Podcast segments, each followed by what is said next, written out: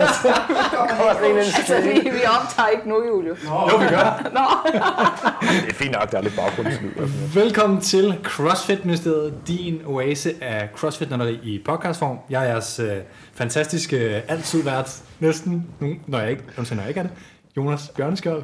Og øh, med mig har jeg min, for første gang nogensinde, kun fantastiske medvært, Nikolaj Vines, som sidder og gerne vil have, at jeg skal sige, hvor mange gange regionals team der har været. Jeg tænker bare, at du kunne have lyst, altså ligesom du altid introducerer Thomas som uh, fantastisk uh, reach, fire gange regionals atlet, så tænker jeg, så kunne du bare lige bum bum med Mainz i stedet for. Jeg synes, det, det, det, det, er værd at slå fast, at du har også været regionals team atlet, og før Thomas også, ikke? Øh, jo, jo, jo, jo, altså jeg er jo OG, OG i forhold til Thomas. Det, det er lige vigtigt at sige, at uh, Thomas sidder om i baggrunden. For første gang ikke vært på podcasten og drikker kaffe og griner. Det kan være, at vi skal sige, hvor, hvad vi laver. Ja, det kommer jeg til lige lidt. Ja, ja. Nu er det mig, der er vært. Nu Okay, skal du lige undskyld, lade være. Det er fordi, hver eneste gang du er på, så plejer du at være vært, og det samme for mig. Nå. Vi er i dag i uh, CrossFit Ars. Vi er en del af vores uh, Aarhus-tur, og vi har to fantastiske gæster. Uh, en af dem, kan man sige, er vært for os i et vist omfang. Og det er Katrine Hagenberger, en gang individuals regional atlet. Og så er der Sveiner uh, Karlsdottir. Og vil du rigtig udtale sig nogenlunde? Svaner. Svan, Svaner, Ja. det var det, vi blev enige om før. Ja, det, det er altid med sådan nogle navne der. Som er en gang øh, hvad hedder det, regional, øh, hvad hedder det, atlet som individual også. Og vi skal snakke om graviditet, træning, crossfit, sådan i den øh, sfære. Det er jo to øh, elite-atleter på det punkt, kan man sige. Ikke måske sådan lige nu, men altså i forhold til graviditet er det i hvert fald noget, som, som der er mange, der, der tænker på. Og jeg synes, inden at I får lov til at sige alt for meget, så skal vi lige forbi, hvad der er sket siden sidst, Nikolaj.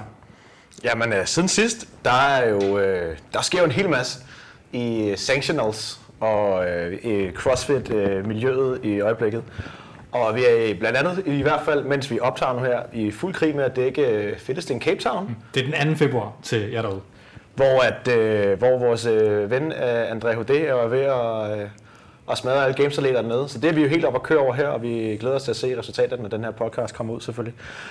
Øh, derudover så, øh, det er sådan en lille personlig ting, så er en drøm, som jeg har gået med i lang tid, øh, kommet til realitet, og det er... Er det, at Thomas skal squat 200 kilo? Skal vi, skal vi tage den først? Thomas har squattet 200 kilo i går. Ja, okay. Jeg, jeg troede, man sige noget derom bagved. Det gør han ikke. Og han er meget glad. Men, øh, men det, jeg vil ved at sige, det er, at øh, jeg har fået stablet en konkurrence på benene i samarbejde med Sebastian Klint, som er en, også en OG i, i CrossFit, og det er noget, vi har talt om i, øh, i rigtig, rigtig lang tid, og har arbejdet meget med sidste år, og så blev det lagt lidt på hylden. Øh, men øh, i samarbejde med RX Events, så har vi lavet den her Battlegrounds Individual, som er en konkurrence, som vi synes skal prøve at udfylde hullet lidt for individuelle atleter i, øh, i Danmark på lidt mere øh, RX-niveau. Så, øh, så det er super stort for, for mig personligt, og det er, det er en rigtig fed ting, som jeg glæder mig til at, at gennemføre, og som vi også nok også skal komme til at dække meget mere øh, i podcasten. Jeg skal lige indskyde, at øh, ikke sidste episode, for den, når den her er udgivet, og I hører den, så har vi udgivet en episode med Team Nordvest, Rasmus Tokstrup med flere, episode 33. Det her er episode 34, men episode 32 med Rasmus Mark talte netop også om den konkurrence. Bare lige en lille øh, callback, kan man sige. Jeg skal også lige hurtigt runde, at vi har øh, fået en ny øh, tierstøtte. Det er 7force, eller hvad er det, 0404 jensen at gmail.com. Vi ved jo ikke, hvem du er derude, men tak. Og det kan være, hvis du skriver til os på Instagram, vi lige ved, hvem øh, du rent faktisk er. Ja, det kunne være rigtig fint, hvis vi kunne få nogle navne på vores uh, tierstøtter, så vi, så vi kan nævne folk ved navn og ikke ved e-mail, tænker jeg. Det bliver Mm. også nemmere for, for Thomas, når det er, øh, skal udtale det. Nå, øh, nok om Thomas. Skal vi... Øh, skal Vi skal til. Vi skal høre lidt mere om vores gæster. Ja. Vi har øh, to gæster med, som du siger. Og øh, jamen, skal vi ikke bare lade, lade jer øh, tage den? Katrine, Jo. fortæl lidt om, hvem, øh, hvad du er for en. Jamen, øh, jeg har dyrket CrossFit næsten siden det startede, siden 2010. Og øh, jeg startede øh, i Butchers Lab, dengang vi var inde i den gamle kødby. Øh, og det var sådan set, fordi jeg startede på politiskolen i Brøndby, og vores øh, instruktør dengang sagde, at hvis vi ville have topkarakterer i vores fysiske prøver, så skulle vi starte til CrossFit. Og det, det skulle jeg have. Det ville jeg have. Så, øh, så jeg måtte jo i gang. Og der var jeg til min første intro ind i Butchers, som var en, øh, en det var, jeg mener, det var en Fight Gone Bad lignende workout. Det var altid alt gone bad til introtimerne Ja, i det ikke gamle også? Butchers. Ja. Ja. Det var inden, Og, det var inden I øh, flyttede, du var med der, ikke også? Jo, jo. Ja. Må, må- jeg lige spørge jer to noget så? Hvis I synes Fight Gone Bad, det var altså den. Er det ikke en lorte workout? Altså sådan rent programmeringsmæssigt? Eller hvad synes? Ja, jeg synes ikke, det var en god intro workout i hvert fald. men, ja. men jeg havde masser af overskud, og det sjove var dengang, at dengang der var instruktørerne med til at lave, altså de gik med på holdene. Øh, og jeg var så i gruppe med instruktøren, og jeg var sådan rigtig irriterende en, der var sådan, kom nu til instruktøren, så jeg tror virkelig, han havde mig. Må jeg spørge, hvem det var? Jamen, jeg kan ikke huske det. Ah, okay. Men jeg, og jeg tror heller ikke, han er der mere. Men øh, hvis han sidder derude og lytter, så kunne det være meget sjovt at høre, hvem jeg har været irriterende overfor. Vi er ikke live, men du kan ringe ind på 53, 57, 52, 56. Om to uger. to uger. Øhm, men efter den time, der var jeg hugt og syntes, det var det fedeste i hele verden. Øhm, på det tidspunkt, der dyrkede jeg eller cheerleading på konkurrenceniveau. Og det jeg faldt for ved cheerleading, det var, at der var så mange forskellige elementer, at jeg både kunne lave springgymnastik og akrobatik og styrketræning og smidighedstræning. Øhm, og det har jeg altid gerne vil have masser af forskellige sportsgrene ind i en. Og så mødte jeg crossfit. Det var det hele i én ting. Dyrker du cheerleading på sådan altså højt niveau, sådan konkurrence, eller man skal kalde det niveau? Ja, jeg var på landsholdet. Det, er jo ikke så sådan, hvis jeg må sige det sådan, hvis man tænker på en amerikansk kontekst, der er det jo sådan en relativt øh, mere øh, normal sport, som mange har, har ligesom kender til. I Danmark, cheerleading, hvad er det for en slags sport? Hvad går det ud på? Kan du lige sådan kort? Jamen, øh, i dag er det også altså, konkurrence, hvor øh, der er nærmest ikke noget dans med længere. Mm. Altså, du har to og et halvt minut, hvor du skal præstere, og øh, ud af de to og et halvt minut, der er der maks 8 takter eller sådan noget, som er dans. Fordi du får ikke særlig mange point for dans. Så det er springgymnastik, og det er akrobatik, kast hinanden op i luften, bygge pyramider og alt sådan noget. Så på en skala fra 1 til 10, hvor meget ligesom Bring It On er det? Øh, der er ikke lige så meget drama som i Bring It On, men, men de stunt, I ser der, det er sådan nogle, det er lette stunts i forhold til, hvad vi lavede dengang. Ja. Jeg har set, det er noget med, at du stadigvæk underviser i cheerleading, eller har gjort i hvert fald. Ja, ikke, ikke mere. Nej. Det er lidt sådan for sjov, når der er nogle arrangementer. Ja. Altså en gang imellem, så får jeg lige set sådan en Instagram-video, eller sådan en eller anden gammel uh, memory, af et eller andet, Ja, du har ja, lavet, hvor man tænker, hold da kæft, mand, de, der bliver Ja. altså smidt rundt med nogle folk der. Ja, men Jeg det- tænker hver gang, hvis det der det går galt, så går det rigtig galt. Jamen, det, det gør det også. Ja, det Altså, det var også derfor, der kom et regelsæt øh, for nogle år siden, fordi at der var så mange, der kom til skade. Det var Ja. top 3 på, øh, på farligste sport i USA i den periode. Så øh, Hvor, hvor, hvor, stort er cheerleading i Danmark? Altså, jeg Hvor mener, mange at de har, de har 1000 medlemmer nu. Men er det i forbindelse med hold specifikt, eller er det adskilt som det, sin det er adskilt som, Okay, som så det er som sin helt egen sport, så Ja. det er nærmest en form for gymnastik. Det er det i virkeligheden. princippet, Okay. ja. Alright. Ja, Ja. nok om det. Øhm, og, og så øh, gik jeg jo i Butchers i lang tid, og da jeg så var i praktik hjemme i, i, i Jylland, så startede jeg i Aarhus CrossFit. Og, øh, og da jeg så skulle tilbage til praktik i København, så var jeg tilbage i Butchers. Og der begyndte jeg sådan lidt at konkurrere, og, øh, og i 13, da jeg så var færdig med politiskolen og kom tilbage til Aarhus, blev jeg instruktør og har været det siden. Øhm, og konkurreret mere og mere. Øh, og der begyndte vi også sådan at lave lidt open. Mm. Øhm, så jeg har egentlig været med til open siden 2012. Jeg mener, det var det år, det startede, var det ikke det? 11 startede. Var det 11? Ja. Okay. Man, man kalder det the open era fra, fra 11, og nu kan man sige, at den er slut på en måde i år. Ja, det, det det kan vi jo så det er snakke lidt om. Nej, det, Ja. uh, det er et stort, det er et stort øh, debat at åbne Lige så præcis. tidligt, tænker jeg. Jeg skal lige sige til lytterne, at sidste gang I hørte fra Katrine, var jo, da vi var til Regionals og, og dæk, i Berlin, og dække blandt andet Team Aarhus' øh, ret ganske fornuftige performance, synes jeg, vi skal sige. Ja. Og, øh, og der mødte vi dig og Philip Young og, og nogle af de andre og snakkede med jer på hotellet, så der kan man måske huske dig fra sidst. Lige præcis. Det var en fed omgang. Det var Fedt. tæt på, men øh, ja. Og så er der sket en masse ting siden, og det tænker jeg, det skal Ja. vi nok komme øh, mere ind på. Det må man sige. Vi har også en anden gæst på. Svena Svane. Karlsdottir. Er det Yes. korrekt udtalt? Helt korrekt. Perfekt. Hvad, hvad er du for en? Ja, altså vil I høre, øh, hvornår mit, min CrossFit-rejse startede? Eller vil Ja, I, ja, hvad Ja, jeg meget gerne. Meget gerne. Altså, jeg kan ikke helt huske præcis, hvilket år det var. Men jeg startede også helt fra starten af, hvor øh, de åbnede et lille øh, CrossFit-center i et øh, gammelt teater nede i Aarhus øh, by, der hvor Scandic Hotel er nu.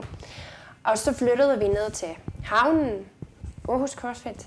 Der var jeg så med- med i noget tid, og så i 12, når Spartan Mentality åbnede op på Bryggervej, så flyttede jeg med dertil. Og, øh, og har holdt sammen med dem siden. Altså nu er det jo blevet en del af CrossFit Copenhagen. Mm. Men, øh, men øh, det var mi, mig og mine veninder så en lille reklame. Vi havde hørt lidt om det fra Island og Annie og, og så videre, og vi tænkte, det var der noget for os, og jeg blev hugt fra start af, og ja, det er jeg stadigvæk. Så. Så du er en af dem, som er ligesom, måske kan man sige, blevet rekrutteret lidt gennem uh, Annie, altså hele den der bølge, der kom over fra, fra Island, og, og kigge lidt på landsmænden, og hun var virkelig sådan en repræsentant for Island. Ja, der blev hun lidt sådan senere hen. Altså, jeg kan ikke sige, at jeg har følt helt med hende fra helt fra starten, men man, du ved, man har hørt om det, og mm. ja. Var der lidt national stolthed uh, i det på det tidspunkt?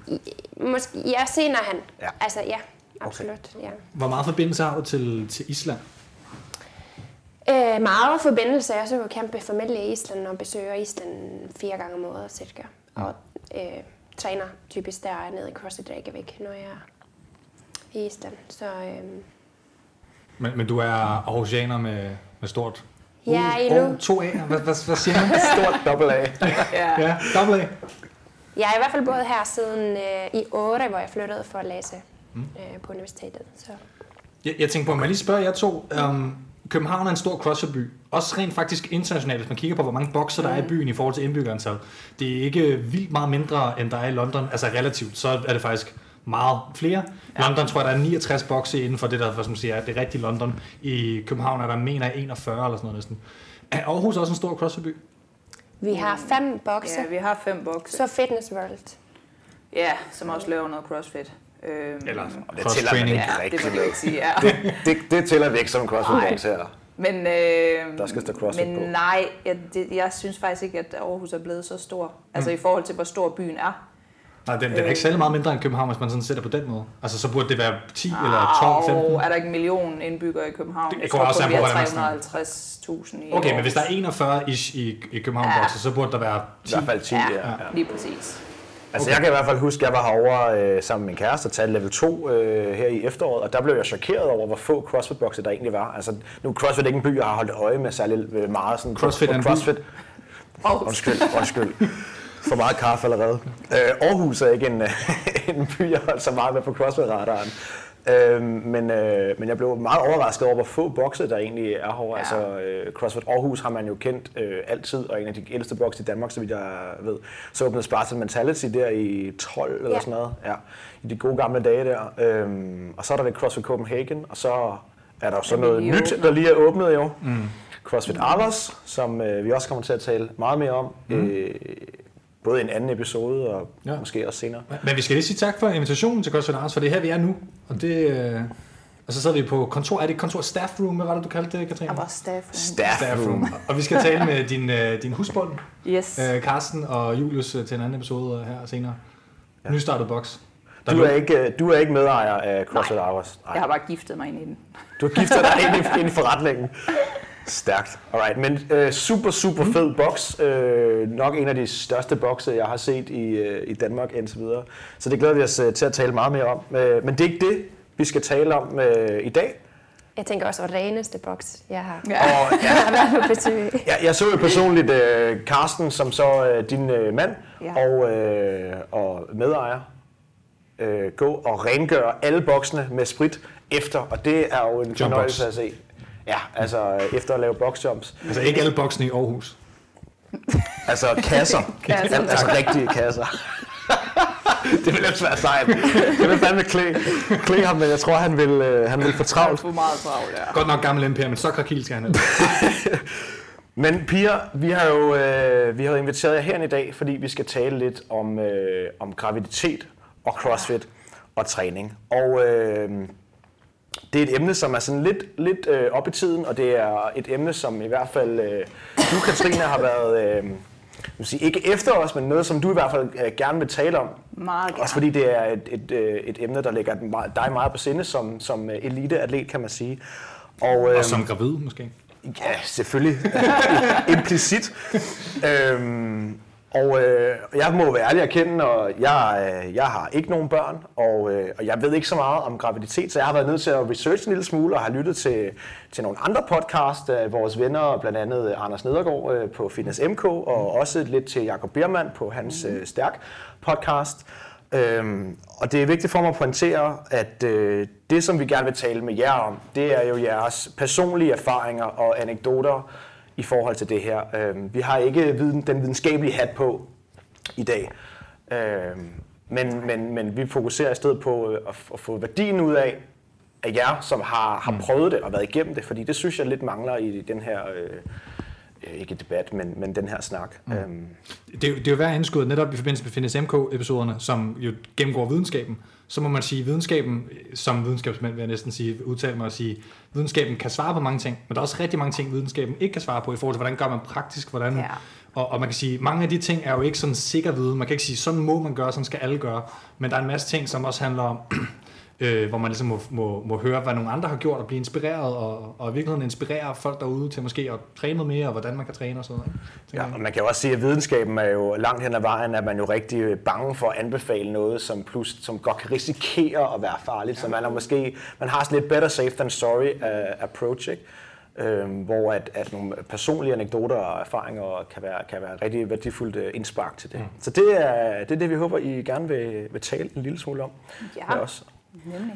Men også fordi der ikke er ret meget øh, forskning inden for det her område. Ja, jeg tænker, at, at når man går og, som, som øh, atlet, og man, man tænker, nu plan, man planlægger vel at blive øh, gravid øh, som Ja. eliteatlet på en eller anden façon. Så I må have gjort jer en masse research op til det her.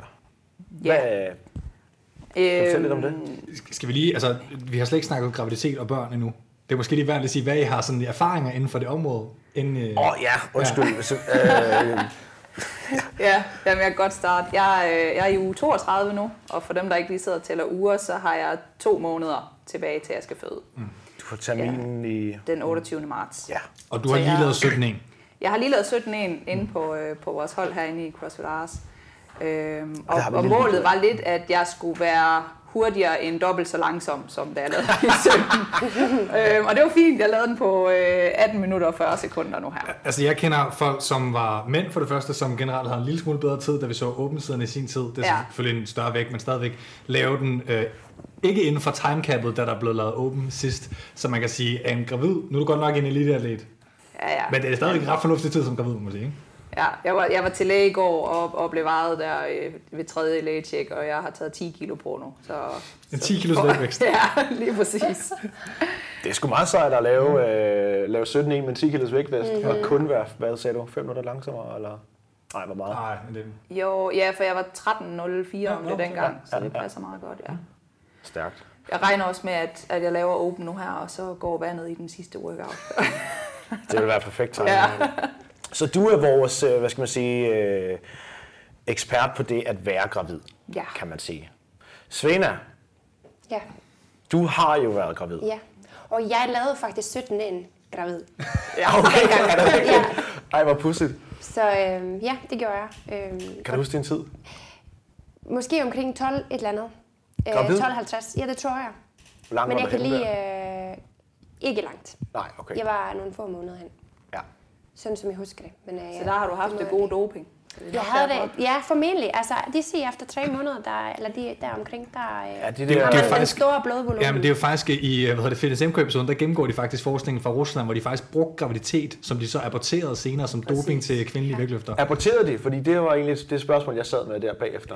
Og Det- det var sådan, jeg forstod det. ikke Ja, helt, ja. Men, men der er rygter om, at, at til OL, både tyskerne og mm. russerne, de, øh, de lavede de der, hvor, hvor de så aborterede noget tid efter. Ui. Men 12 minutter... øh, Ish. 52, Ja. tror jeg. Ja, Det er i hvert fald hurtigere, jeg, jeg jeg var lige inde og kigge på min telefon. men øh, ja. Nå, pudsigt. Øhm, ja, men øh, jeg er så igennem det hele, øhm, og fødte 5. august øh, 17. Så jeg er 17 måneder postpartum, hvis man kan sige det på den måde. Ja. Ja. Der, er, der er 17 ja. måneder siden, jeg fødte. Grund, grunden til, at I sidder og snakker lidt med, med Nikolaj, det kan I også lige høre om, der lyder, udlytter. Der er lige en, eller anden, en, uh, telefon, der går i uh, en af mikrofonerne. Så gider I på... Er det min? Jeg er på. Jeg Skal man føre flyvemode, måske? Gider, gider I altid lige slå på lige ligesom er på. Jeg er sikker også lige, at min er 100% her. Nu er min. Ja. Nu er det i hvert fald væk, tror jeg. Ja. Nå, Og du er så kommet om på den anden side. Hvornår fødte du, sagde du? 5. august. 5. 17. august i For 17 måneder 17, siden. ja. Så vi er cirka halvandet år på den anden side mm-hmm. nu. Ja. Ja. Så du er, du er øh, vores ekspert på tiden efter fødslen. ja. Jeg er nødt til at tage 30 kilo på. og tabe dem igen. Så øh, 30 kilo? ja. Tæt Okay. på 30 kilo. Når jeg... Jeg har hørt, man bliver sulten som gravid, men det lyder umiddelbart voldsomt. jeg var meget sulten. Det, Ja. Det er også noget med vand i kroppen Ja. og sådan nogle ting. Ja. Der er store individuelle forskelle. Ja. Jeg vil sige, jeg har, øh, jeg har en kone, der har lige har født sit øh, andet barn. Så Du jeg, er jo for nylig blevet far igen. jeg, jeg er faktisk for øh, næsten fire måneder siden nu, så... Øh, det er ikke, fordi jeg er ekspert på at være gravid. Men jeg vil sige, jeg har prøvet at være i nærheden af en, der er federe og er gravid og, og træner lidt. Og Og har vel også læst lidt op på det, hvis jeg kender dig ret, Jonas. Jamen, det er fordi, jeg er sådan en nørd. Præcis. Det kan nok, ja. Ja, så du ved også, hvor tosset vi bliver. Ja, Ja, Hvor sultne I bliver. ja. Altså jeg tænker bare, 30 kilo mad i sig selv er jo sådan, det er ret meget, der skal sådan køres ind. Jeg er enig. Altså, øhm, Har man har travlt din mand med at købe, øh, købe, købe ind? nej, jeg, jeg tror rigtig meget, at det var væske. Altså, ja. øh, jeg spiste meget. Øh, om natten spiste jeg meget. Jeg var virkelig sulten, sulten om natten. Jeg kunne ellers ikke sove, hvis ikke jeg spiste. Men øh, Det er ligesom Thomas, faktisk. Men han bliver også noget stærk af det. Så. hvis Thomas er gået ud, så nu kan vi moppe ham, uden han kan stoppe os. Nå, Nicolaj, hvad, hvad, hvad hedder det? Hvor er vi henne nu i... Ja, men, øh, men det, jeg synes, vi skal starte med, det, øh, ligesom skal man sige, de, øh, de, de andre... Øh, de andre, der har snakket lidt om det her, så synes jeg, at det, det er naturligt at bygge det sådan lidt op i kronologisk øh, rækkefølge, så man kan sige, øh, øh, som vi var inde på tidligere, når man er eliteatlet, så forestiller jeg mig, at, øh, at man planlægger lidt det her med, hvornår man er gravid. Måske i forhold til, hvor skal det passe ind i sæsonen, og hvad, hvad kunne man tænke sig, øh, altså, og, og hvis der er nogle konkurrencer, man godt kunne tænke sig at få overstået eller sådan noget. Og, ja. hvad har, hvad har, har I gjort jer nogle tanker omkring det her? Altså, altså er der nogle ting, der skal jeg- overstås først? Ja, altså jeg havde jo i hvert fald regionals øh, der i 18 øh, med Team Aarhus CrossFit, som skulle overstås først. Øh, og faktisk under regionals, der, der bøvlede jeg med noget, noget stressrelateret, så jeg gik faktisk og havde rigtig, rigtig slem kvalme. Øh, så jeg var faktisk inde ved lægerne til regionals for at spørge, har I en graviditetstest? Fordi jeg var lidt bange for, at det måske var det. Det viste sig så, at, at det var stressrelateret på det tidspunkt. Men, men, Havde de men- graviditetstest? Nej, det havde jeg ikke, så jeg måtte ud i byen og finde en. Men jeg testede faktisk. Øhm, og så da regionals var over, så snakkede Carsten og jeg også om, hvad, hvad vi lige skulle gøre, og vi skulle giftes i august. Og vi havde egentlig bestemt, at vi ikke ville... Jeg ville ikke være gravid, når jeg skulle giftes. Jeg ville godt kunne have lov til at drikke og, og feste og, og kunne være i min kjole, som var meget stram. Mm. Øhm, så, så vi snakkede med, med lægen, som sagde, at jamen, når du smider p-pillerne, så går der i hvert fald to til tre måneder, før, øh, før at hormonerne er ude, og du så bliver gravid. Så vi tænkte, men det er fint, så, så smider vi dem der 1. 1. juli, og så passer det nok nogenlunde. Øhm, jeg blev så gravid. Vi- Jeg regner med, at han er blevet undfanget den 5. eller 6. juli. Så et par dage efter, jeg nærmest smed p-pillerne. Altså, det er jo et gennemsnit, når en læge siger sådan noget med to-tre måneder, skal man altid huske. Ja, Så. det, øh, det fandt vi så ud af. Så er I jo sunde og raske og, øh, hvad skal man sige, meget øh, frugtbare. Det er jo Ja, dejligt. det, øh, det må man sige. Det gik i hvert fald meget hurtigere. Det siger de jo også, at hvis man holder sig, hvis man træner før graviditeten, så er der jo også større chance for, at alle de her ting, det går over lige præcis. Lige det nøjagtigt. skal. Øhm, ja, så længe at du ikke træner så meget, at du ikke har nogen menstruation. Mm. Og, ja. Ja, men det har også noget at gøre med fedtprocent, og hvor Lige meget man præcis. udsulter sig selv, og, Og- ja, og sådan ting. Altså. Svende, er du stadigvæk sådan aktiv, eller, eller var aktiv på det tidspunkt, sådan i forhold til konkurrencer og, og sådan at være øh, atlet på den fasong? Nej, altså jeg deltog i min sidste regionals i 15. Øhm, og øh, der blev jeg også færdig uddannet læge. Så øh, der var masser, jeg skulle øh, i forhold til det. Øhm, og det er min plan var, at jeg ville ind i forsvaret som læge. Så øhm, jeg trænede op til det, og øhm, dengang jeg så fik øh, svar på, at øh, det måtte, det, simpelthen, det måtte simpelthen ikke øh, ansætte mig, fordi at, øh, jeg havde astma.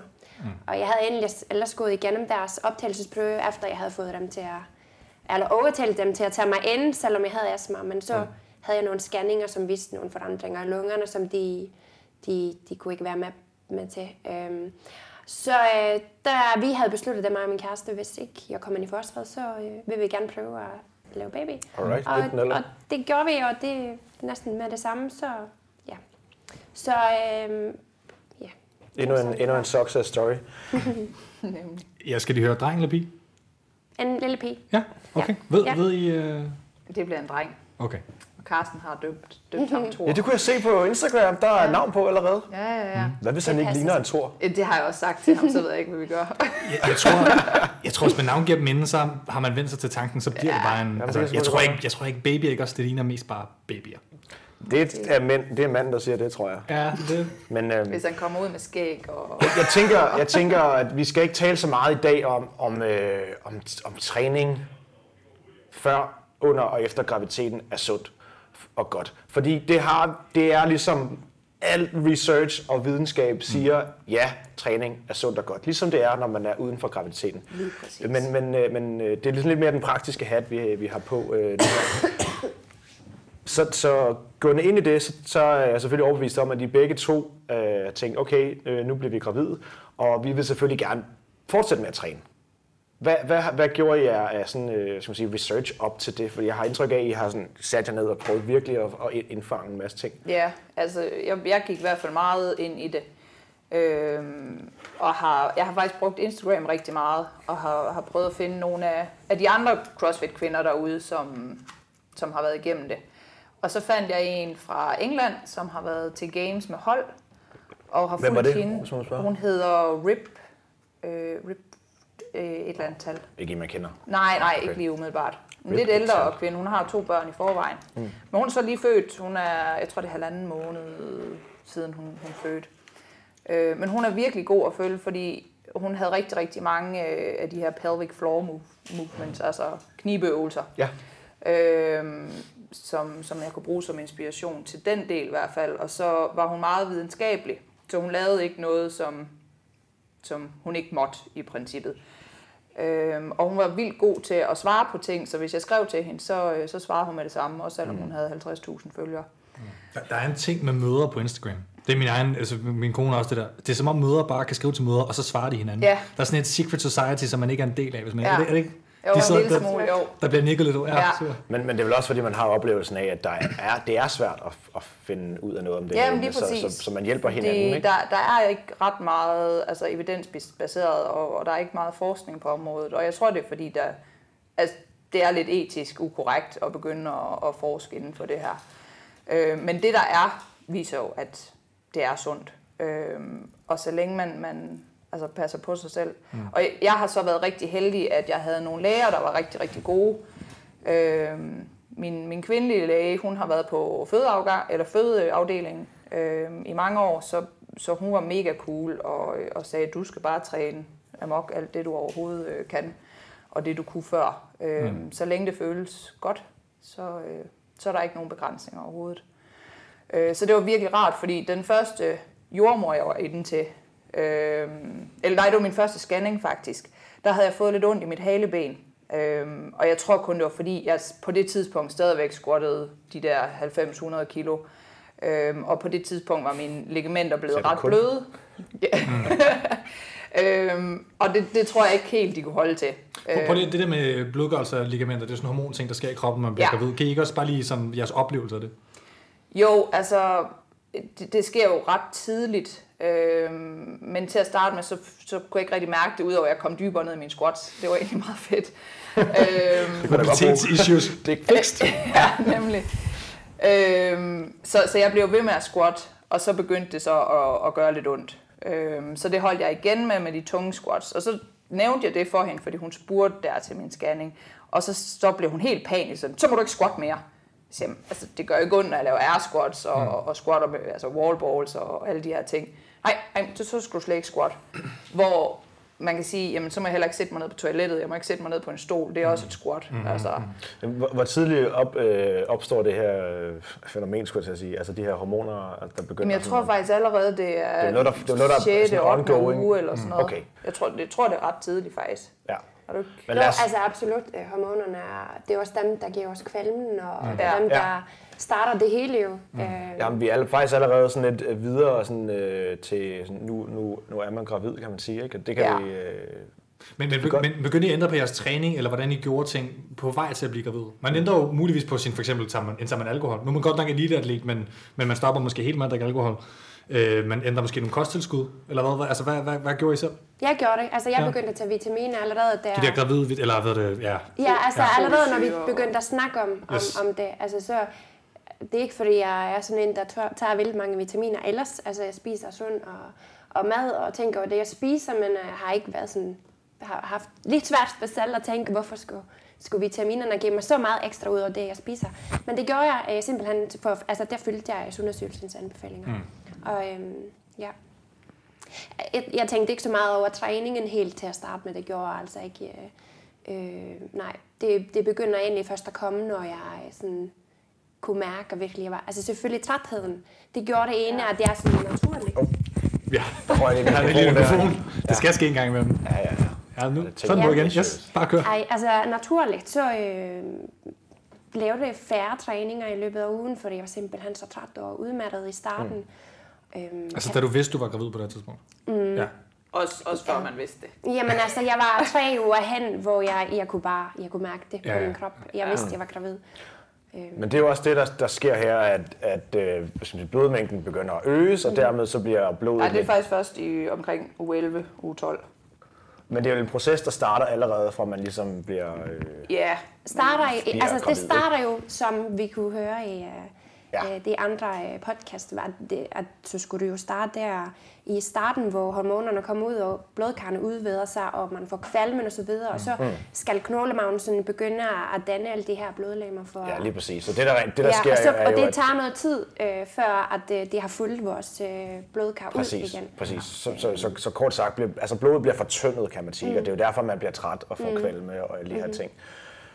Var I i stand til at fortsætte med at træne i, i, i den her Ja. periode på de Ja. her, hvad, tre måneder-ish? Ja, Absolut, ja. Ja. Jeg synes, jeg, det gav mig energi. Altså, jeg var træt, inden jeg tog afsted, hvis jeg, hvis jeg nu al, kom. Jeg kom ikke altid afsted, men hvis jeg gjorde, så sy- synes jeg, at øh, jeg var mere fresh, Frisk, ja. efterfølgende. Ja, øh, det oplevede jeg også. Mm. Og jeg var så mega heldig, at jeg havde Karsten, der var rigtig strid med mig. Fordi når jeg havde formiddagsvagt og kom hjem, så lagde jeg mig på sofaen bare for at sove. Og så kom han hjem og sagde, hvad fanden laver du? Jeg er så træt, jeg skal bare sove. Nej, nu skal du op og træne. Men det er faktisk en vigtig pointe, tror jeg, fordi at, øh, jeg kan sagtens forestille mig, at der er mange kvinder, som netop bliver trætte og tænker, åh, oh, jeg er også gravid, jeg må hellere passe lidt på. Og, Ja.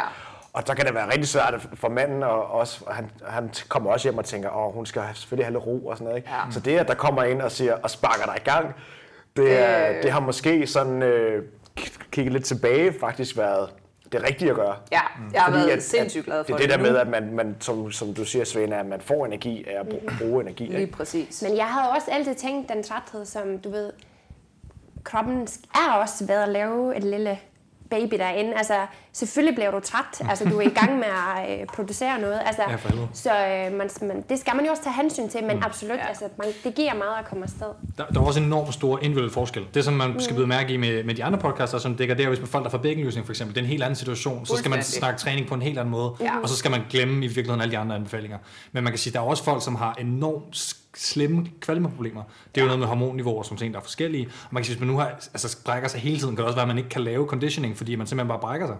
Og man kan sige, på den måde kan man jo ikke sige, at alle skal gøre det samme. Men, men I også, kan man sige, som, som eliteatleter, og med den baggrund, så er man måske også lidt mere tilbøjelig til at sige, det kan godt være, det er hårdt, men man bliver ved. Hvis man er CrossFit eliteatlet, så er man vant til at have det fucking hårdt. Ja. Det er måske også i virkeligheden sådan en mental sådan bonus at have det op i hovedet. Det ved jeg ikke, om I tænkte over, at det ligesom... Jo, det tror jeg da helt bestemt. Øhm, altså, at, at jeg lå der på sofaen og bare tænkte, nej, jeg vil bare hellere sove i to timer. Øhm, hvor man så husker på, jamen det havde du også lyst til, da du konkurrerede på, på topplan, og du, du dyrkede det her på fuld tid. Så Altså- skal du bare afsted. Tag dig sammen. Det var da også sådan, jeg havde det der, da jeg boede i Dubai og levede af at Da træne. du var en del af eliten engang. dengang, ja, jeg ved sgu ikke, hvor elitær jeg var, men jeg prøvede det. Men øh, der var sgu da også tit, hvor jeg bare hellere ville sove, end at gå ned og træne. Ikke? lige præcis. Og det er, det, det er samme princip. Jeg tror bare her, der mærker du virkelig, hvor træt du er. Altså, mm. Og så har man også lidt i baghovedet, at jamen, jeg, jeg laver et, et lille barn, så der er en grund til, at jeg er træt. Men jeg må indrømme, i starten, der var jeg overrasket over, hvor træt jeg var. Mm. Jeg, jeg troede ikke, det var muligt at være så træt. Og altså på det tidspunkt er den jo lige så stor som et altså sesamfrø. Så jeg var virkelig overrasket over, hvad, hvad det kunne gøre på kroppen. Men, men det, de i virkeligheden siger, hvis, øh, hvis jeg har forstået de her øh, studier ret, uden at det skal blive for videnskabeligt, som sagt, så, er, så er det jo sådan, at, at jo, hvis dit, dit lille baby trækker en hel masse hormoner, så vil dit blod jo blive ekstra fortyndet, og så vil du få det dårligere.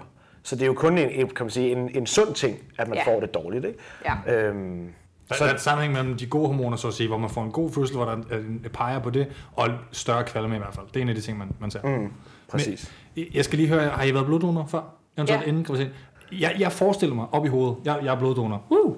Det bør I alle sammen være, selvfølgelig. Hey. derude. Men jeg forestiller mig lidt, øh, øh, når jeg donerer blod, oplever jeg ikke, at jeg bliver vildt træt. Men jeg har prøvet at miste rigtig meget blod i en anden forbindelse. Og Ja. det der med at have mistet altså sådan over en halv liter, og det, hvor det begynder at blive meget, der gik jeg bare hjem og sov direkte bagefter, da jeg sådan var okay. Og sådan ting. Det her, altså jeg forestiller mig, at det er måske lidt den samme træthedsfølelse, at man sådan... Har I prøvet? Nej, ikke rigtigt, Nej, okay. fordi øh, jeg har prøvet at, at done blod, hvor jeg så tog direkte ned til en, en hård træning. Mm. Øh, det var ikke så rart, fordi man, Det man får det en- fysisk en dårligt. super Det gør du ikke her. Altså, der er Nej, du bare okay. træt, og du får det du træt på faktisk en bedre. Okay, fair nok. Øhm, selvfølgelig er det stadig hårdt. Altså, jeg lavede stadigvæk konkurrencetræninger på det tidspunkt. Og alle de andre piger, som jeg, jeg normalt slog i alle workouts, de begyndte at slå mig. Og jeg var bare sådan, det kan bare ikke passe. Altså, øhm, Hvis jeg kender dig ret, så har du ikke haft det godt med det. Nej, det, og på det tidspunkt havde jeg ikke sagt noget, så, så hele konkurrenceholdet, jeg kunne også bare mærke, at de var sådan, fanden er der galt med mm. hende? Altså, Og på det tidspunkt vidste de ikke, at du var gravid? Nej. eller? Nej. Der er den der regel med, at det gør man først, når der er tre Ja, ja, måneder. ja, og Ja. så skal- selvfølgelig. selvfølgelig. og jeg havde egentlig også bestemt, at vi først ville melde det ud, når jeg havde været til den første scanning. Men jeg kunne ikke, jeg kunne ikke holde ud. Jeg, det, det var... Øh, altså, det, det var for meget for mit selvværd, tror jeg. øh, så jeg meldte det faktisk tidligere ud til konkurrenceholdet, fordi at, at, at ja, Mm. jeg synes ikke, det var særlig fedt, at de troede, jeg bare var blevet dårlig. Det er, det er 12, 12 ugers uh, misdannelseskalning, ja. Ja, vi taler om, som er den, som man ligesom ved, okay, nu holder vi barnet med Ej, største sandsynlighed. Det meste dannelsesscanning klok- øh, på i uge 20, Uge 20. men 12 Ja. er, ja. At den, Hvad, hvad, Den første hvad hedder det, den hedder? Den så 12? var det første, Første, scanning. ja. Ja, okay, klart. Men det er ligesom det, man plejer for at vide, at der er i hvert fald de her ting, er der ikke risiko for, ikke? Ja, Så har jeg forstået, hvad der skete til de scanninger. Jeg skal bare lige... Så det, der sådan er, øh, skal man sige, takeaway, er, at de første sådan, øh, 10 uger, ish, tænker jeg, det er den her tid, kvalmen yeah. Som ligesom står på. Der er det bare med ligesom at, at hænge i, og prøve at få noget sig afsted og få lavet noget, som man ligesom holder sig i gang. ja. For nogen, der er selvfølgelig desværre nogen, der har, har kvalme resten af hele graviditeten. Ja. Mm. ja. Men vi var ikke en af dem. Nej, jeg, har- jeg har slet ikke haft kvalme, faktisk. Overhovedet. Nej. Du var bare træt. Jeg, jeg, har haft, jeg har haft tre dage, hvor jeg kastede op om morgenen, og det har været det. Mm. Ellers har jeg overhovedet ikke haft kvalme. Det kan også være forskelligt fra barn til barn, Ja. altså, hvis man spørger folk. Det er forskelligt Ja. fra graviditet. Jeg havde kvalme i 12 år, og jeg kastede op hver eneste morgen, inden jeg gik på arbejde. Men jeg havde ikke den eneste sygedag. Altså, jeg, Okay, det, var, okay. det var ikke fordi, det var resten af dagen. Det var kun der om morgenen. Nå, Spiste så det var bare sådan lige op ud, ud i toilettet, og så alt godt. Mm-hmm. Sådan. Og så, så, så når man til det her punkt, hvor, at, øh, hvor at, at blodet ligesom er begyndt at blive, øh, blevet normaliseret af blodtykkelsen, og man har fået, man øger sin, øh, sin blodmængde med, jeg tror det er 1200 ml sådan øh, ish deromkring. Og så begynder man at komme lidt ovenpå igen. Ja. Og det er Og det er jo der, hvor at vi talte om tidligere, det, det her, man taler om med, med graviditetsdoping, at Ja. så Ja. begynder du, fordi du har så meget mere blod i kroppen, at du kan transportere mere ilt lige pludselig, at man så faktisk kommer sådan lidt øh, tilbage igen, ikke? Og det har man også efter fødslen. Det har jeg oplevet. Okay, Altså, man har gavn af det, den her ekstra volumen også efter. det når vi til. Det, den tager vi lige lidt senere. Ja. H- Hvordan gør det så udtryk? Fordi jeg tænker, altså, så er det, sådan, at det er jo conditioning, sådan en ting vil ramme i forhold til blodvolumen. Hvad med Nemlig. styrketing? Begynder man fra tre måneders og, øh, punktet og synes styrketing er lidt sværere? Eller hvordan, hvad har været jeres oplevelse? Altså, det, det var lidt... Øh, nu bøvlede jeg med det med, med min hofte. Øh, eller min, min lænd var det egentlig. Øh, så jeg gik egentlig ret meget ned i styrke allerede der. Øh, overhead squat kunne jeg egentlig gøre i lang tid. Bænkpres er jeg også stort set på det niveau, som, som jeg var før. Men alle mine andre løft er, er gået ned. Mm. På det, Øh, ja, Ja, ja på, Ja. på, øh, på det tidspunkt. Ja. Ja.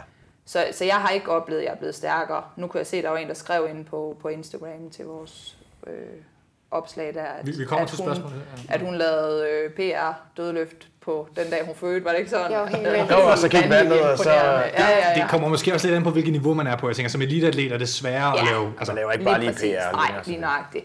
Og jeg kan også se, øh, altså Cara Sander, eller tidligere Cara Webb, hun, øh, hun er også gravid nu, og hun laver også færre ting, altså færre kilo, end, end hvad hun gjorde Det er en før. bodylab proteinbar åbner, Jeg tror, man, men jeg tror, man gør det sådan lidt automatisk. Jeg tror ikke rigtig, altså, jeg havde ikke nogen smerter i løbet af min graviditet, og jeg havde heller ikke noget, hvor jeg tænkte, det her gør det skal jeg stoppe med. Eller sådan. Jeg, jeg tror bare, mine tanker sådan fik mig til at, at lille smule skrue ned, ja. og på et tidspunkt, og, og der er heller ikke nogen, der kan sige det til dig, nu stopper du med det, Jamen, nu kan du gøre i gang med det her. Der er ikke nogen, der kan sige det til dig, det er meget individuelt, og det var det også for mig. Altså, jeg, pludselig så stoppede jeg med at squatte dybt.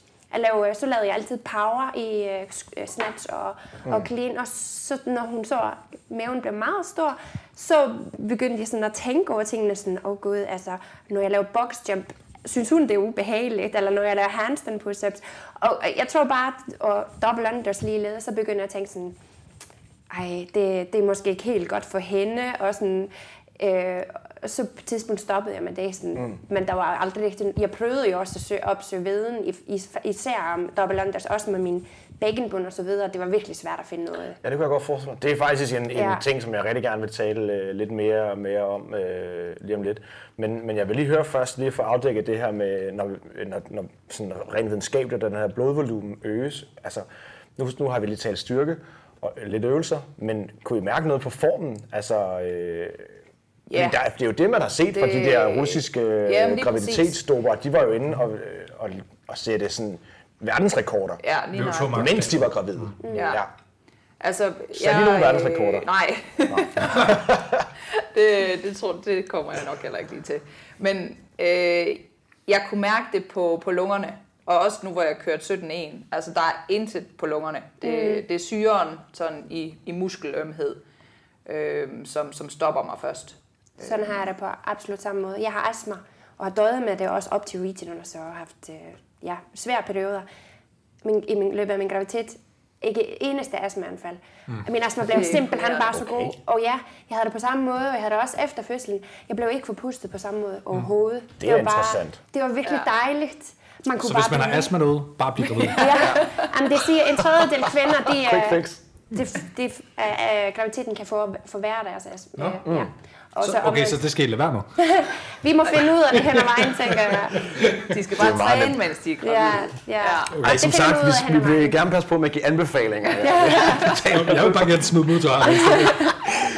Jonas har et rigtig godt grundlag at anbefale Ja. fra. Yes. Ja, men faktisk, inden du går videre, Nikolaj, ikke også? nu skal vi faktisk til at tage en pause. Lad os tage en pause. Ja. Kaffe? Er det kaffetid? Ja, det er altid kaffetid. Og til jer derude vil jeg bare lige sige, I skal også huske at tage en kaffe, Ja. mens I lytter. Mit navn er Katrine Hagenbauer, og du lytter til CrossFit-ministeriet. Ja, det sidder. Jeg har så meget peanut butter til nu. Det er en god peanut butter. Mm.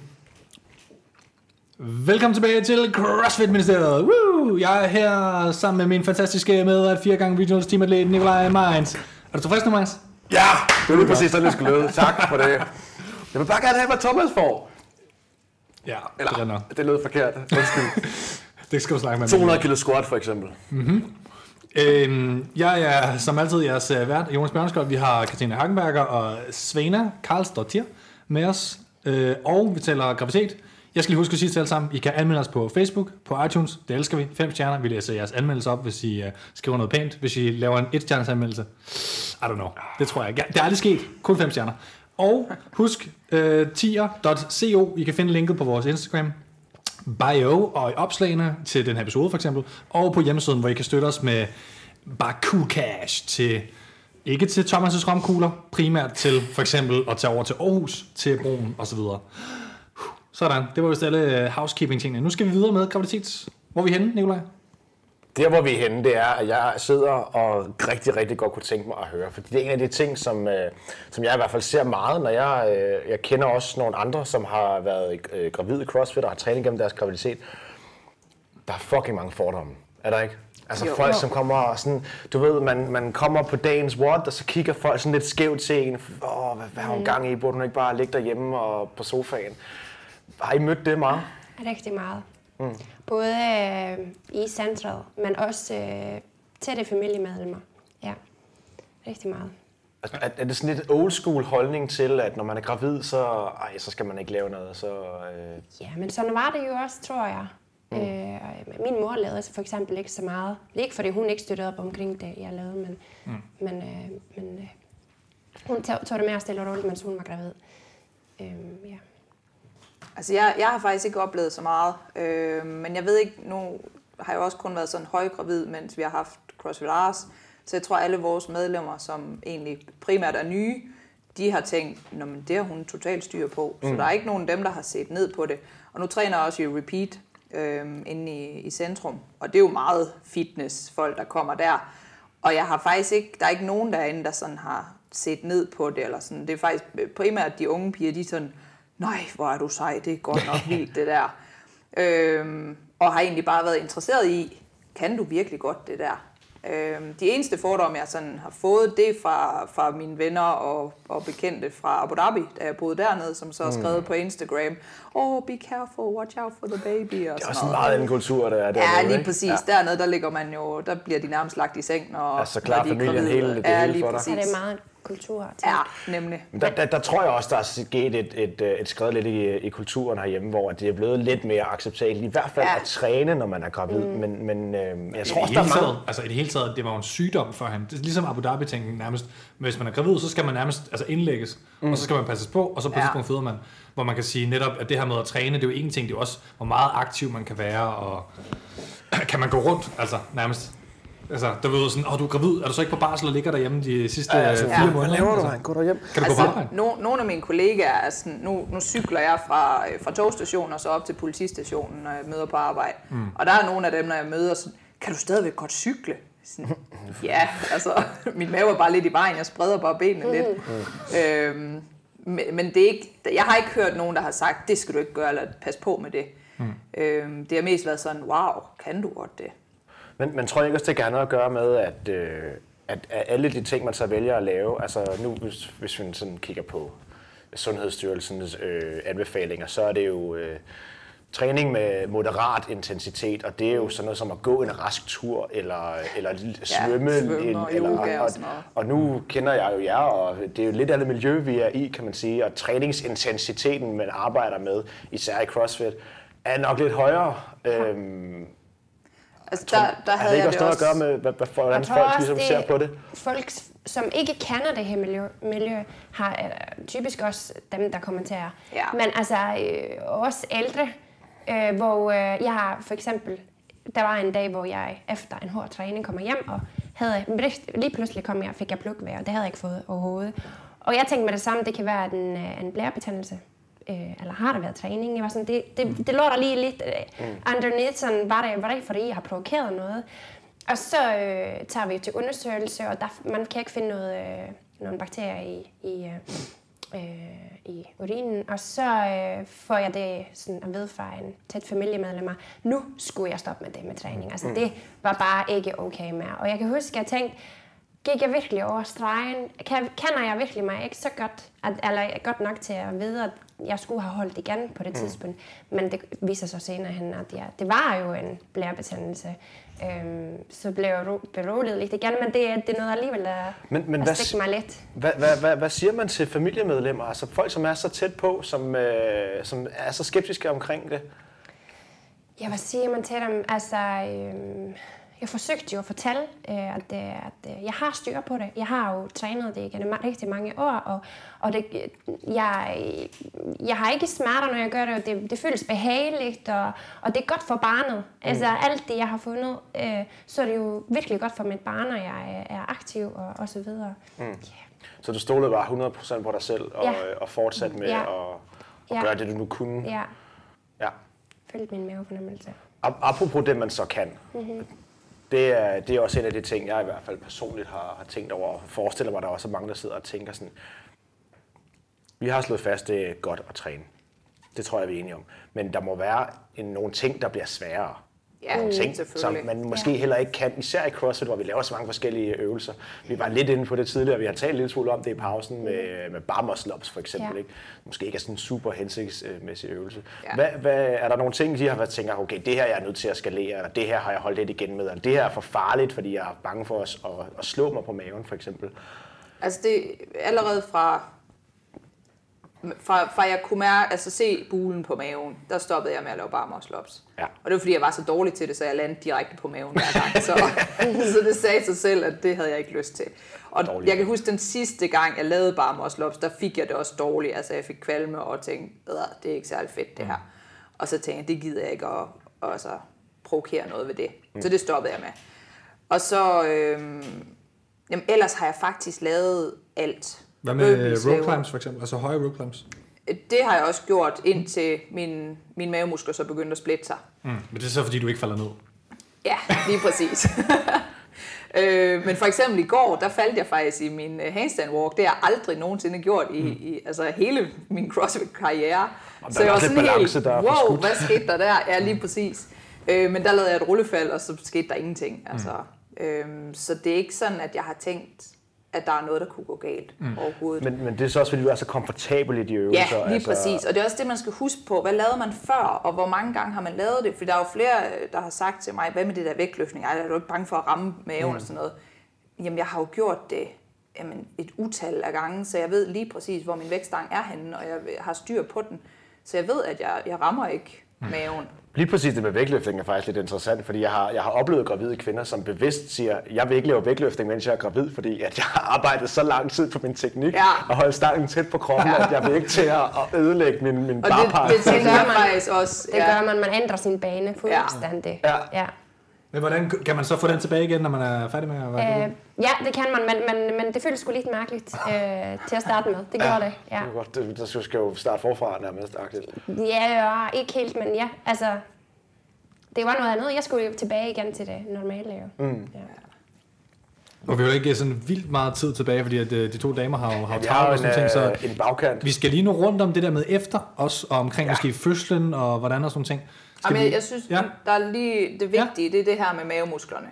Fordi Ja. ja. det er det eneste punkt, hvor jeg vil sige, det, der er noget, man ikke skal gøre. Ellers så synes jeg, man skal gøre det, som føles rigtigt. Og hvis, hvis man har det godt, så er det formentlig også rigtigt. Men lige i forhold til mavemusklerne, hvis man kan se, at den her, man laver the cone eller Toblerone-toppen øh, på nogle øvelser, så skal man ikke lave dem. Fordi mave, der, din mave på midten er ikke er ikke dækket af mavemuskler, fordi mm. de har trukket sig ud til siden. Jeg ved, diastase, eller hvad det hedder. Ja, hvad det hedder. Det- Laktostease. Ja, lige præcis. Øhm, så så der, der er der flere, der anbefaler, at det, det skal man lade være med. Så, så, fordi mavemusklerne bliver sådan trukket fra hinanden og gør plads til maven. Man, man skal også huske på, at det er normalt. Det er Ja, sådan, det er. ja, ja, det er sådan, ja, det er at er være gravid. Ja, ja. Præcis. Og, og uh, hvem får rektus diastase og har problemer med det efterfølgende, det er virkelig Det svært at se. ikke, nej. det ved vi jo ikke. Øhm, det er genetik og den måde, man er bygget på, hvordan man bliver gravid, og øh, hvordan fashion er og alt det der. Så, øh, men ja, Men der, der har jeg i hvert fald valgt, at, at der holder jeg mig fra alle de øvelser. Og Du laver ikke så mange GHD-setups. Nej, det, det har jeg overhovedet ikke lavet. Også bare almindelige almindelige sit-ups, ja. men også almindelige strict pull-ups, øh, øh, muscle-ups, øh, push-ups faktisk også.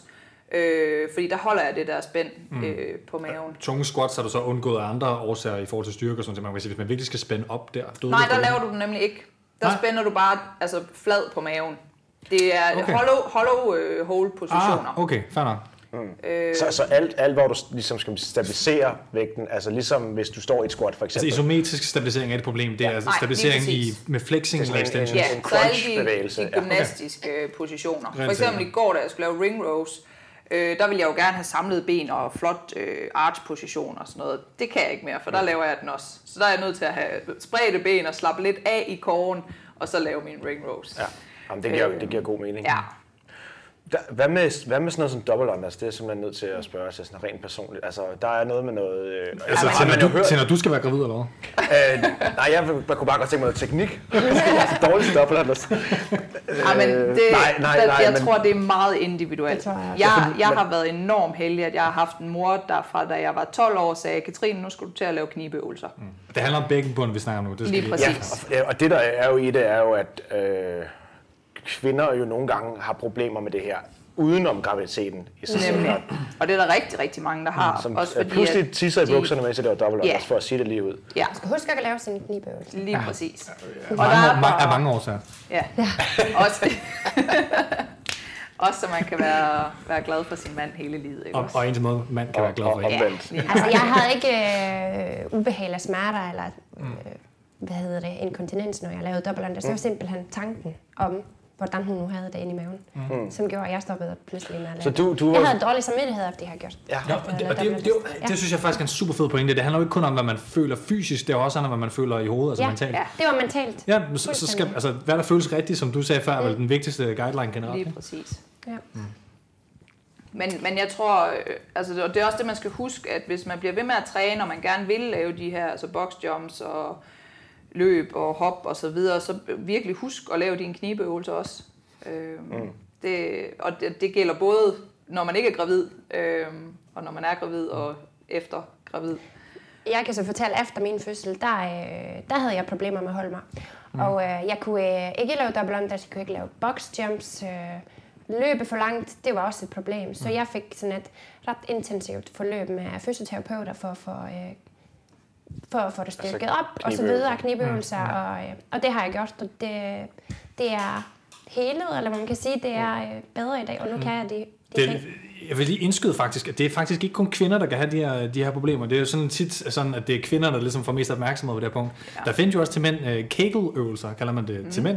Det er, altså, synes jeg faktisk, man skal overveje, fordi der er faktisk problemer med, det er så primært alder og ikke graviditet for mænd selvfølgelig, men i alderen for mænd, øh, når man kommer op sådan 60-70, så er der faktisk rigtig meget inkontinens, som man snakker om er problemer. At mænd faktisk aldrig gør sådan noget. Så det kan man også begynde overveje. Mm. Kegel-øvelser, google det.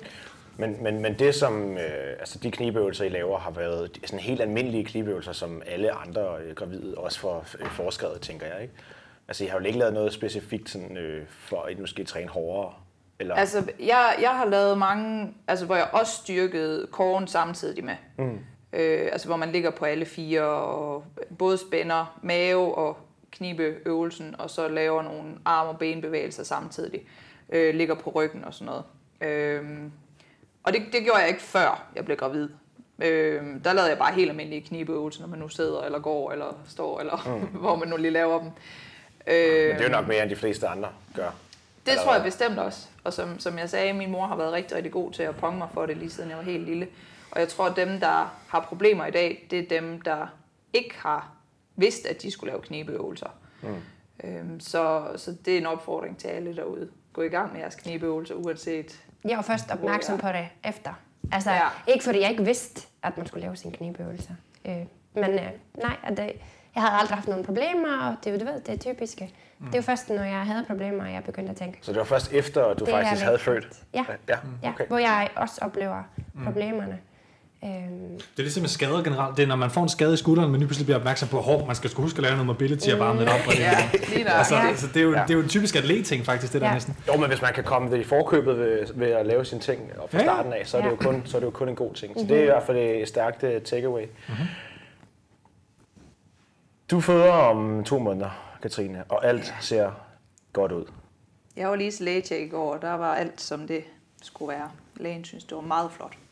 Og jeg vil også lige pointere, for nu hørte jeg det der med, at de siger, at, at når man træner med, med høj intensitet, så er der også øh, større chance for, at øh, du tilfører bedre ilt til, eller øh, ja, højere iltmængde eller sådan et eller andet til dit barn. Mm. Øh, og der, da jeg var til min anden scanning, altså 20 års scanning, der fik jeg også at vide, at jeg lå over normalen i blodtilførsel til babyen. Så øh, Mm. Jamen, de siger jo også, at hvis du træner under din graviditet, så vil det, det barn, du får, faktisk have en, en højere øh, fedtfri masse. Ikke? Altså, mm. ja, ja, jeg læste også en sjov øh, undersøgelse. Det er godt nok om muse, og det er jo svært at Ja, overføre det fuldstændig til, til vores mennesker. Men det var en, eller en øh, forskning, man lavede, hvor der var nogle muse, øh, gravide muse, som øh, havde sådan et hjul, løbehjul inde i deres bur. Og så var der nogle andre, som ikke havde muligheden for at løbe. Og de muse der, som løb hele deres graviditet, de fik så nogle børn. Og så puttede man alle børnene i bure, hvor der var mulighed for at løbe. Børnene hos moren, som løbt helt vildt meget, de brugte løbehjulet. De andre, de gjorde det ikke. Så altså, man kan sige, det er jo helt vildt interessant, ikke? At, øh, at, øh, at man kan også måske videregive det til sit barn. Mm. Jeg tror helt sikkert, jeg tror helt sikkert, der er noget genetisk. Ja. Altså, det er jo også derfor, man ser, at folk, øh, som har været øh, atleter, får øh, børn, som i høj grad også måske... Selvfølgelig er der også en masse øh, kulturarv og sådan nogle ting, Ja, det er ja. ikke, men, øh, men jeg tror helt sikkert, der er, der er noget genetisk, mm. altså det, man kalder talent, kan du kalde det, ikke? Jeg tænker sådan noget Men, med øhm, børn. Det laver vi en anden episode om i dag, fordi jeg synes, Ja. det, jeg synes som, som forælder, jeg har et home gym derhjemme, og mm. elsker, at min øh, datter på, på, på tre måneder kan se, at hendes mor og hendes far står, står og squatter i tid og utid. Og sådan nogle ting, tror jeg, altså det synes jeg også, vi skal lave en episode om, det, det siger jeg bare nu. Mm. Men, men derudover, så tænker jeg, er der, er der noget med lige at nå en lyttespørgsmål? Eller Jamen, jeg tænker lige først, inden vi når til, Ja. til lytterspørgsmålet, så øh, du var kort lige inde på det her med øh, tiden efter. Ja. Øh, der går selvfølgelig lidt tid, hvor man lige... Øh, altså, nogle af nærmest springer jo op direkte efter, og så er det direkte ned i træningscenteret, og andre tager lidt længere tid. Øh, men hvordan har, hvordan har du sådan haft, haft det bagefter fødslen, og hvor, hvor lang tid har det taget dig at komme igen, før du ligesom er kan man sige, tilbage, hvor du var inde? Altså, jeg kan sige, at øh, min fødsel var fuldstændig ukompliceret. Den tog lang tid, og min jordmor mente, at det var for stærk bækkenbund. At det var simpelthen for...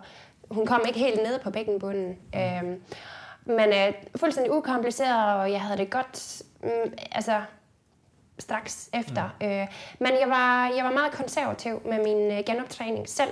Mm. Jeg havde jo også øh, hørt og læst og Instagram og så videre, og set mm. nogen, der er gået for hurtigt i gang og, og så videre. Det tænkte jeg, jeg tager det med ro. Øh, jeg skal rehab, og jeg skal øh, tage det stille og roligt det hele, og, og bygge mine muskler stille og roligt op. Det var super kedeligt i starten. altså virkelig. Jeg, sådan, jeg kom ned, og Laura kom, altså min datter kom med, og, og øh, du ved, alle mine venner øh, i Sandra, de legede med hende, og så kunne jeg jo træne lidt, men øh, det var lidt kedelig træning. Øh, men altså, i dag er jeg bare så glad for, at jeg gjorde det. Jeg føler mig også, jeg føler øvelserne, de er behagelige, og ja, Altså, øh, jeg havde også gavn af den her øh, øgede blodvolumen, og det havde jeg også efter. Øhm, jeg, var, jeg var typen til at du ved, at hoste helt vildt, og, og sådan efter en hård øh, cardio-workout. Øh, Så fik du jo sådan en fan-hoste. Ja, præcis, det fik jeg absolut. Jeg vil også gerne lige høre jer to. Nu er du øh, står over for det lidt senere, og du er der jo på nu, kan man sige.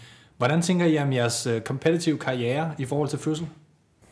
Og eftertid og sådan noget? Skal, er, er, det noget, man over, overvejer man at stoppe? Overvejer man, at, hvor langt, hvornår er man tilbage? Altså, hvad, Altså, jeg har gjort mig rigtig, rigtig mange overvejelser, men det er også fordi, jeg har en mand, som mener, at øh, nu øh, har jeg det her bloddoping i kroppen, så, øh, så skal jeg lade udnytte af det.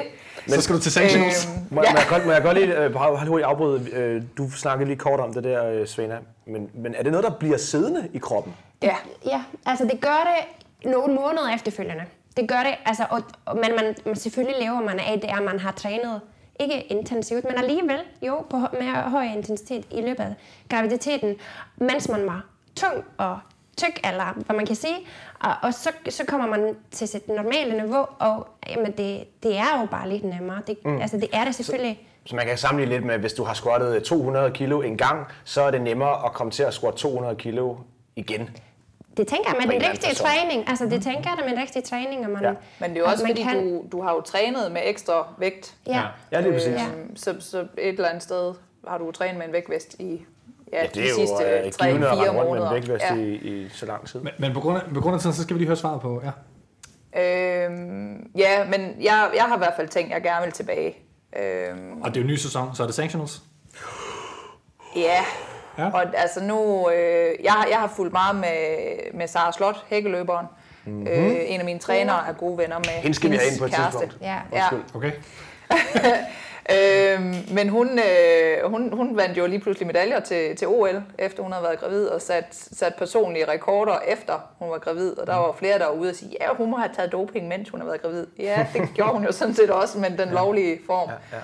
Og man siger, at de der 6-9 måneder efter, du har født, det er der, de fleste møder, de piker. Så du er i virkeligheden lidt nysgerrig på at se, om du kan bruge det her til noget Ja, bagefter. det må jeg ærligt indrømme. Så, så er man kraftedme eliteatlet. Jeg siger det, Det er bare. fucking sejt. Det er fucking sejt, og det er Altså, lige præcis jeg er derfor, det er sjovt at snakke med dig, Katrine. Ja, men, og det er Det- også det er lidt mindset, sjovt, fordi jeg, som, øh, jeg, jeg har en veninde, som har været i Australien her, mens, mens Cara Sonder, hun meldte ud, at, hun- at hun var gravid, hvor hun så skriver til mig, min veninde, at Nå, men så er hun ude, eller hvad? Så siger jeg, nej, hun er da bare planlagt det, at, at så kommer hun til Games, og så vinder hun Games her om Man, nogle år. man, man skal også lige huske alder selvfølgelig, og sådan ting, og hvornår man piker og sådan ting. Hvor gammel er Ja. det Kara egentlig? Det kan, jeg ved, Kara? hvor gammel er det Kara? Jeg var ikke så gammel, tror jeg. Det- Nej, hun er stadigvæk ret ung. Ja, jeg tror, hun er... Det er bare, hvis man bruger 22 graviditet, og måske måske. har en sæson, man er ude, måske to sæsoner, så kan man hurtigt komme, altså, få miste nogle af sine bedste år. Man siger, man piker som crossfit lidt som 29 år cirka, ikke? Ja, Så jeg Ikke- tror, ikke det for passer, passer Ja. Ja, hun er 29, Hun er kan jeg 29 sige. nu, Ja. ja. mm. det passer måske faktisk rigtig godt, at hun lige har et par sæsoner mere i sig til at prøve at vinde den games der. Så er der jo mom strength. taler man også om, er ikke? Altså, der sker noget op i hovedet på en, Lige når man har været igennem fødsel. Ja. Hvad med Svejne? Hvad med dig og Elite? Jeg har, øh, jeg har en anden karriere, som Ja. ja. jeg skal følge, min store drøm. Og så, øh, øh, min kæreste vil ikke igen, og han har sagt det til mig flere gange, du skal bare i gang igen. Altså, du er god, du skal bare, øh, jeg støtter op omkring det, men jeg vil ikke tage den tid fra min familie. Mm. Det vil jeg ikke. Mm. Så, Ej, øh, det, det, det, det, den resterende tid, jeg har ud over min karriere, så øh, ja. Ja, det er jo det. Er jo det. det er jo tid mm. og mor. Som, det er jo også lidt det, jeg tænker med, med, med Kara, eller hvad man skal sige, at man lige pludselig har et barn, man skal... Men altså, det kan måske lidt anderledes med Kara, ja. for når det er hans karriere. Ja. Altså, så vil jeg jo have tre, og det, øh, Præcis. det vil være svært ja. for mig. At... Okay. Men, men Katrine, du har tænkt, du laver jo open som gravid, Ja, og så, og så håber du, vandet går i aller sidste workout. så, så jeg efter. kan nå at være med til dem alle sammen. Ja, Ja. selvfølgelig. Og så er der jo en åben igen her til november-december. Åh oh ja, der får man jo en second chance, og der er, er jo sådan en det. Graviditetsdoping. Er det oktober? Så, ja. Okay. Min vejr startede i svømmehallen, så øh, Ja, Jeg ved, I til er ved at have en øh, bagkant. Er der lige en afsluttende lyttespørgsmål? Skal vi, øh, skal vi lige se... Øh, Vi skal nå et enkelt lytterspørgsmål, fordi det er faktisk sådan, kan jeg lige informere dig om. Vi har faktisk en, en, en præmie, fordi det, der er sket, det er, at vi blev kontaktet af nogen, der laver særlige trøjer til gravide til at træne i. De hedder Prego Rocks, og fordi at graviditet er nice, så har vi sgu bare sagt ja til at sige, den, den uddeler vi den, den, den præmie der.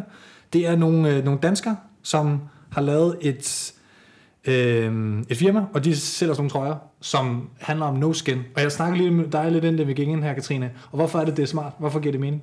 Jamen, det kan man jo se på sit eget tøj nu her, når man bliver lidt større, at, at så sidder det lige pludselig midt på maven. i Ja, det kryber op, når man sådan træner. Ja, mm. Så, øh, så den, som øh, hvad hedder det, Minds nu lige pikker ud af lyttekommentarerne, de vinder simpelthen en trøje fra, øh, fra Prego Rocks. Og det kan enten vælge mellem Mama Bear, Strength og Kettlebell Shirt. Og det skal vi nok lige sende, øh, sende noget ud om. Jamen, øh, Det bedste lyttespørgsmål, vi fik? Jamen altså, jeg synes egentlig bare lige kort, vi skal, vi skal gå igennem det som, øh, det, som vi har fået. Altså først så har vi jo selvfølgelig øh, Healthy and Happy by Winnie, som, øh, som kører hashtag fedterøv og spørger, hvordan man bliver lige så sød og rar som, øh, som Katrine. Øhm, det ved jeg ikke. Det må, øh, ja det, den, den det tager er jeg med hende. Ja, den må I tage sammen. Og så vil jeg lige sende skud ud til øh, Signe Swan, som, er, som vi har nævnt en lille smule, som er, skriver, mit vand gik under en watt, og jeg satte PR i dødløft den dag. Det er, det er altså rimelig, rimelig badass. Øh, så er der nogle stykker, der spørger lidt til, øh, til sådan noget som øh, delte mavemuskler, og hvordan man får trænet det op, og noget med kejsersnit, og, øh, og, og, og hvordan man træner efter det. Og der synes jeg egentlig bare, at jeg vil referere til de podcasts, vi har snakket om lidt tidligere, øh, ja. henholdsvis Ja. for hos Anders Nedergaard og, og Jakob Bermann. For det er, Vi skal nok lægge det op i linksene til. Ja, episoden. lige præcis, fordi det, det bliver lidt mere, lidt mere teknisk øh, i forhold til det, og det er jo ikke noget, I har erfaring med øh, kejsersnit. Vi Nej, har talt en lille smule om det. genoptræning af bækkenbunden efter fødslen her med en masse knibøvelser. Øhm, så, så, så det, øh, det spørgsmål, vi egentlig, vi egentlig lander på, Det, du, det får lige to sekunder til at tænke Ja. over. Jeg vil bare lige sige, at der var også lidt debat faktisk mellem min øh, kone og, øh, og øh, I to, både Katrine og Svena, hvor jeg synes, I meget fint diskuterede lidt frem og tilbage, og netop nogle af de forskellige holdninger, der, der kan være til, hvad man i hvert fald selv synes, hvor meget man bør træne. Og det kan man jo begynde at, at læse lidt på jeres debat. Jeg synes, I var søde ved hinanden. Hvad for et spørgsmål er det, vi har? Øh... Jamen, jeg synes faktisk, vi skal, vi skal kigge på det øh, spørgsmål, vi har fået på, øh, på Facebook. Ja. Det er Mads Grøftehauge, der spørger. Men han er øh, en mand, han kan ikke lige vinde den der prego show, tænker jeg. Han er måske en, det har kan en være, han kone selvfølgelig måske, har en, eller øh, en- kone. Jeg synes, vi... Jeg, eller en søster. Ja. klart. Jeg synes, vi, vi, øh, vi vælger som udgangspunkt en, øh, en kvinde, og så håber vi, at de bliver gravide eller kender nogen. Du skal vælge en kvinde. Skal det være et spørgsmål? Ja, det skal være, jeg, jeg tæller ned fra tre, så skal du vælge en. En, eller tæller ned fra tre selvfølgelig, okay. Tre, Jamen så, To. øh, så, vil jeg, så vil jeg næsten bare sige uh, lille tut og mor.dk.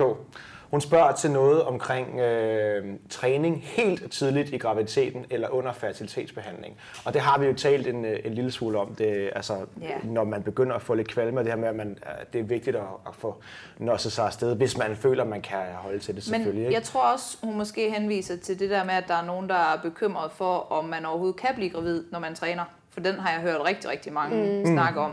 Og jeg, nu har jeg et mamas hold her i, i CrossFit Ars, og der havde jeg også en, der kom ind, som var i uge 16, og hun sagde, at hun var faktisk stoppet med at træne, da de gerne ville være gravide, fordi hun troede ikke, at barnet kunne sætte sig fast. Ja, det er også det, der bliver spurgt til, nemlig, ja, om det kan sætte sig hvor, ordentligt fast. øhm, Hvor da hun så begynder at træne igen, fordi der ikke skete noget, så blev hun gravid. Ja. Sjovt nok. Ja. Og jeg har lige været til øh, fødselsforberedelse, hvor vi også mødte nogen, som havde været i fertilitetsbehandling i et år, hvor de faktisk havde fået at vide, at hun ikke måtte træne under fertilitetsbehandling. Så det var hun stoppet med, og der skete ikke gør en skid. Hun blev ikke gravid. Og så til sidst, så hun bare sådan, det kan bare være lige meget. Hun savnede at træne. Så det gik hun i gang med, og så blev hun gravid i løbet af 14 dage. Ja. Så jeg, jeg, tror, jeg tror på, at det kun er sundt at træne. Så længe at det ikke er de her sportsgrene, hvor det kræver en vis kropsvægt, og hvor, hvor Hvor du det er fjerner ekstremer, og Ja, man ikke længere har menstruation og så videre, så Så det længe man ikke dyrker bikini fitness Ja. eller... Ja. Man, man kan sige, ja, altså fedtprocent primært, altså så skal man lige huske selvfølgelig, ligesom vi snakker med, med hvad hedder det, med bækkenløsning og sådan noget tidligere, man special populations, hvis man nu har nogle oh, fertilitetsproblemer, kan det jo være noget specifikt. Man skal også bare huske, det er altså svært at blive gravid. De fleste bruger faktisk en del tid på det. Ja. Det der med en måned efter, det er fandme hurtigt for eksempel. Ikke? Ja. Jeg tror, at gennemsnittet siger man, det er faktisk et år for første gang gravid, Ja. øh, i forhold til folk også starter lidt sent. Ja. Ja, så spørger man faktisk også til lille Tutter mor, øh, om der er nogle øvelser, der er værre end andre, fordi de belaster bækkenbunden mere. For eksempel snatch og overhead squat og sådan noget. Men det, det, det synes jeg også, vi har talt smule om, og det her med, at det bare Ja, er, det er det- vigtigt det er at mærke efter, og jeg forestiller mig, at når man laver de her ting, så er man ekstra opmærksom på, og så få spændt i bækkenbunden Ja. selvfølgelig. Ikke? Så alting er... er Selvf- man, Selvfølgelig belaster det, det kroppen. Altså det gør det jo, men det stabiliserer jo også kroppen. Så det er jo altså en, en, en, en balance. Det er en balance. hårfin balance. Ja, Mm. det er det. Jeg vil Og igen individuelt. Altså nu har jeg en af- mammasne, hvor, øh, hvor vi skulle lave... Øh, jeg, jeg havde sat step-ups på dem, for jeg ved, hvordan de har det med, at, at der måske bliver tisset lidt i bukserne.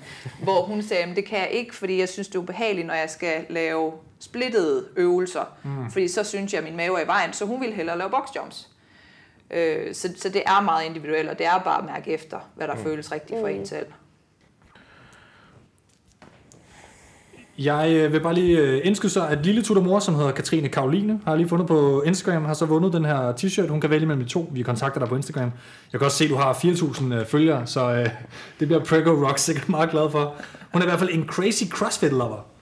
Så, og mor også? ja, ja, det er så sådan Eller noget fysmor og? Katrine. Det, der er nogle børn Skønt, på... skønt, skønt, jeg tror, der er nogle børn. Så det er skide godt. Så bliver den rent faktisk øh, Fedt. brugt fornuftigt, hvis hun skal have flere børn.